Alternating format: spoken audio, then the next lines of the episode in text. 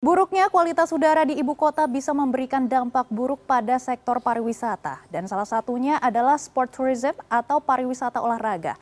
Jika kasus polusi udara di Jabodetabek ini terus dibiarkan, maka kerugian diperkirakan mencapai estimasi 20 hingga 30 triliun rupiah. Dan untuk sektor pariwisata dan juga ekonomi kreatif. Dan untuk membahasnya sudah bergabung melalui sambungan virtual Menteri Pariwisata dan Ekonomi Kreatif Sandiaga Uno. Selamat pagi Mas Menteri, bagaimana kabarnya?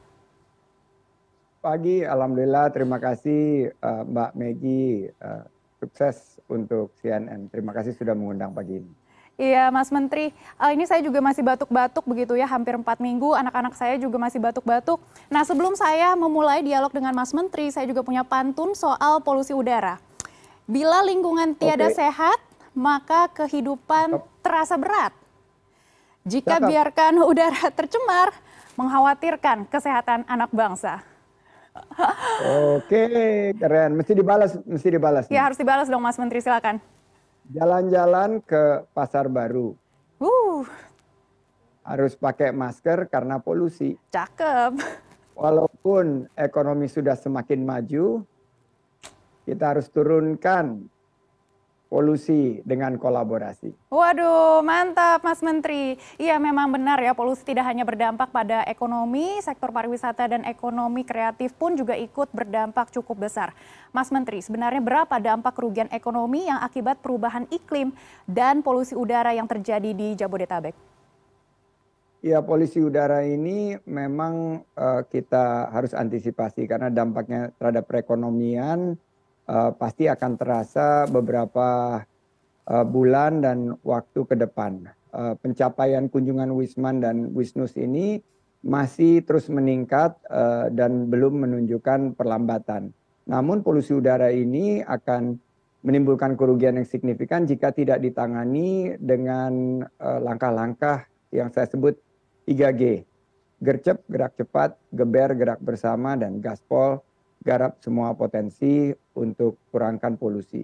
Dan di sini data riset dari Greenpeace Asia uh, Southeast Asia di tahun 2020 sampai 2023 estimasi kerugiannya bisa mencapai 20 sampai 30 triliun rupiah. Di Jakarta saja polusi udara telah menelan biaya ekonomi 21,5 triliun atau 1,7 kali lipat dari defisit BPJS. Nah, ini setara dengan 26 persen dari anggaran kota Jakarta tahun 2020. Nah, data terbaru situs pemantau kualitas udara tadi pagi, polusi udara di Jakarta 167. Uh, eh, hari sebelumnya berfluktuasi masih di atas 150. Namun saat liburan 17 Agustus sempat ada di bawah 100. Saya tahu betul karena uh, selain sempat uh, menjabat Menteri SDM ad interim, saya juga uh, memonitor dengan kegiatan berolahraga di pagi hari nah ini kerugiannya bisa mencapai 2 miliar dolar atau sampai 30 triliun di tahun 2023. Pak Menkes sudah menyampaikan bahwa biaya kesehatan ini terus meningkat untuk permasalahan yang berkaitan dengan saluran pernapasan diestimasi bisa mencapai 10 triliun. Ini yang harus kita mitigasi, harus gerak cepat, harus gerak bersama dan harus garap semua potensi untuk kurangi polusi. Baik Mas Menteri, ini kerugiannya sudah hampir mencapai 30 triliun rupiah. Nah, apakah ada event-event yang dibatalkan akibat polusi udara ibu kota khususnya pada kegiatan wisata berbasis olahraga ataupun sport tourism?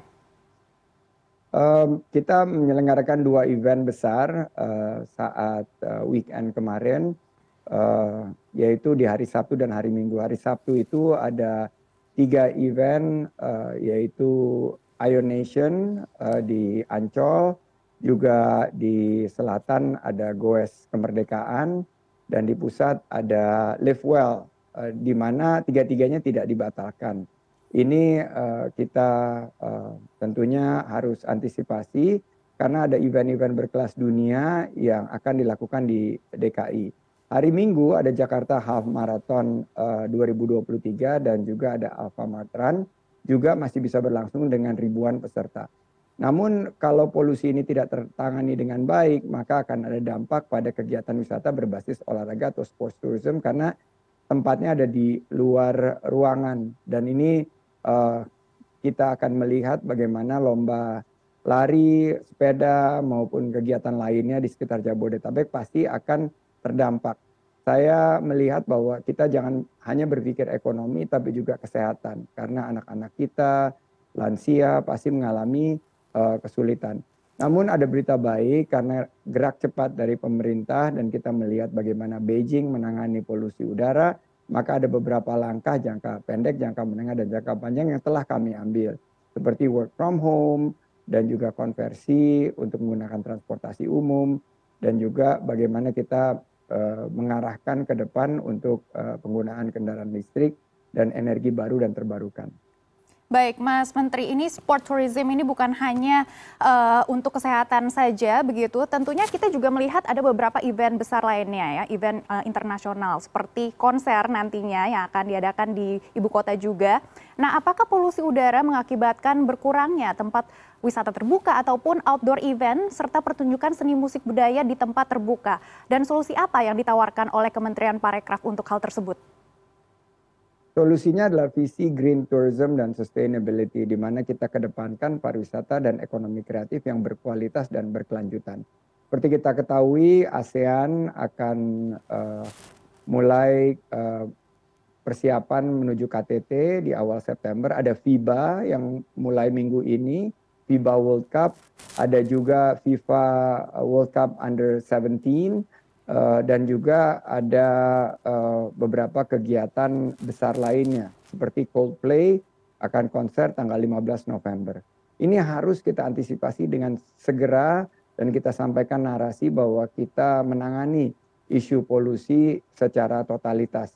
Kita harus juga dalam jangka pendek uh, melakukan modifikasi cuaca, harus mengurangi dampak polusi dari industri dan transportasi dan jangka menengah kita harus sediakan ruang terbuka hijau yang lebih banyak dan penggunaan sumber energi baru terbarukan yang lebih ramah lingkungan. Juga kita mendorong sebuah gerakan penggunaan karbon kalkulator atau karbon footprint di mana kita mulai uh, memastikan kepada gerakan masyarakat yang every step matters. Setiap langkah ini sangat penting dan harus kita sosialisasikan dampaknya terhadap sektor pariwisata. Mulai kurangi polusi ini sebagai bagian daripada menjaga destinasi dan mulai serap karbon. Karena walaupun belum berdampak terhadap uh, target wisatawan yang cukup uh, naik secara signifikan di atas target atas, tapi kalau kita tidak memulai dari sekarang seperti penggunaan kendaraan umum, beralih dari kendaraan pribadi berbahan bakar minyak ke kendaraan listrik, ini uh, berbahaya sekali untuk event-event yang akan dilakukan karena akan menjadi satu pertimbangan bagi apakah event ini akan terus berjalan jika tidak diintervensi dan harus diberlakukan. Nah ini butuh langkah mitigasi dan adaptasi iklim agar uh, kita bisa menunjukkan kepada dunia bahwa kita siap untuk menyelenggarakan event-event berkelas dunia dan internasional seperti tahun lalu sukses menyelenggarakan G20.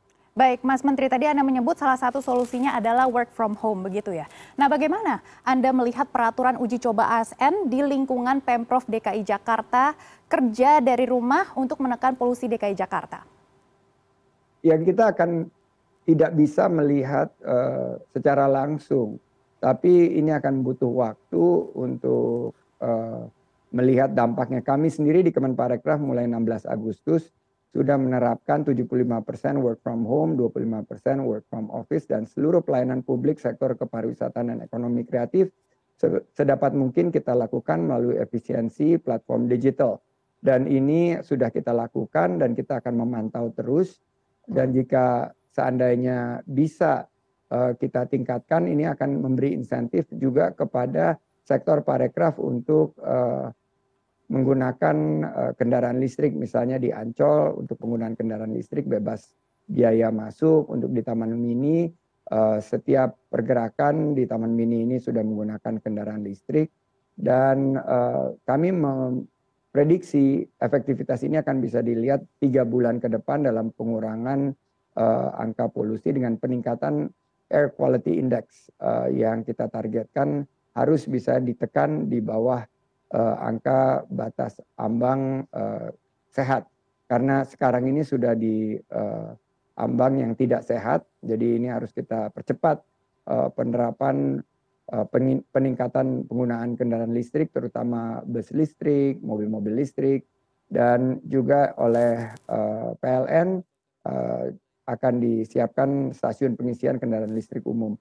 Untuk industri di sekitar Jakarta kita imbau untuk segera melakukan konversi agar uh, jauh lebih ramah lingkungan.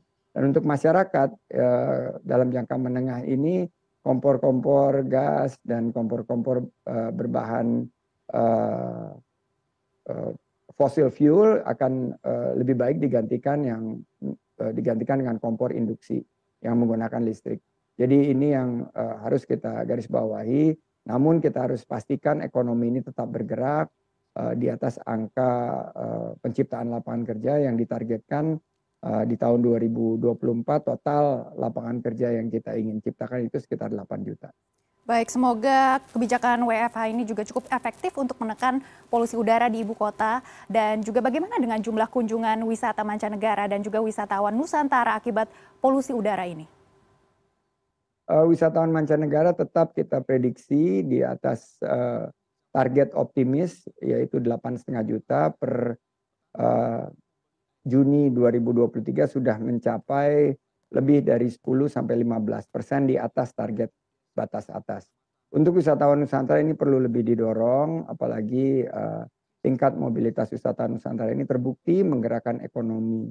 Bagaimana UMKM-UMKM ini penjualannya omsetnya meningkat, hotel-hotel terisi, uh, seluruh uh, ekosistem pariwisata dan ekonomi kreatif dengan total 45 juta uh, lebih masyarakat yang menggantungkan hidupnya di sektor ini bisa meningkatkan uh, kesejahteraan dan ekonominya.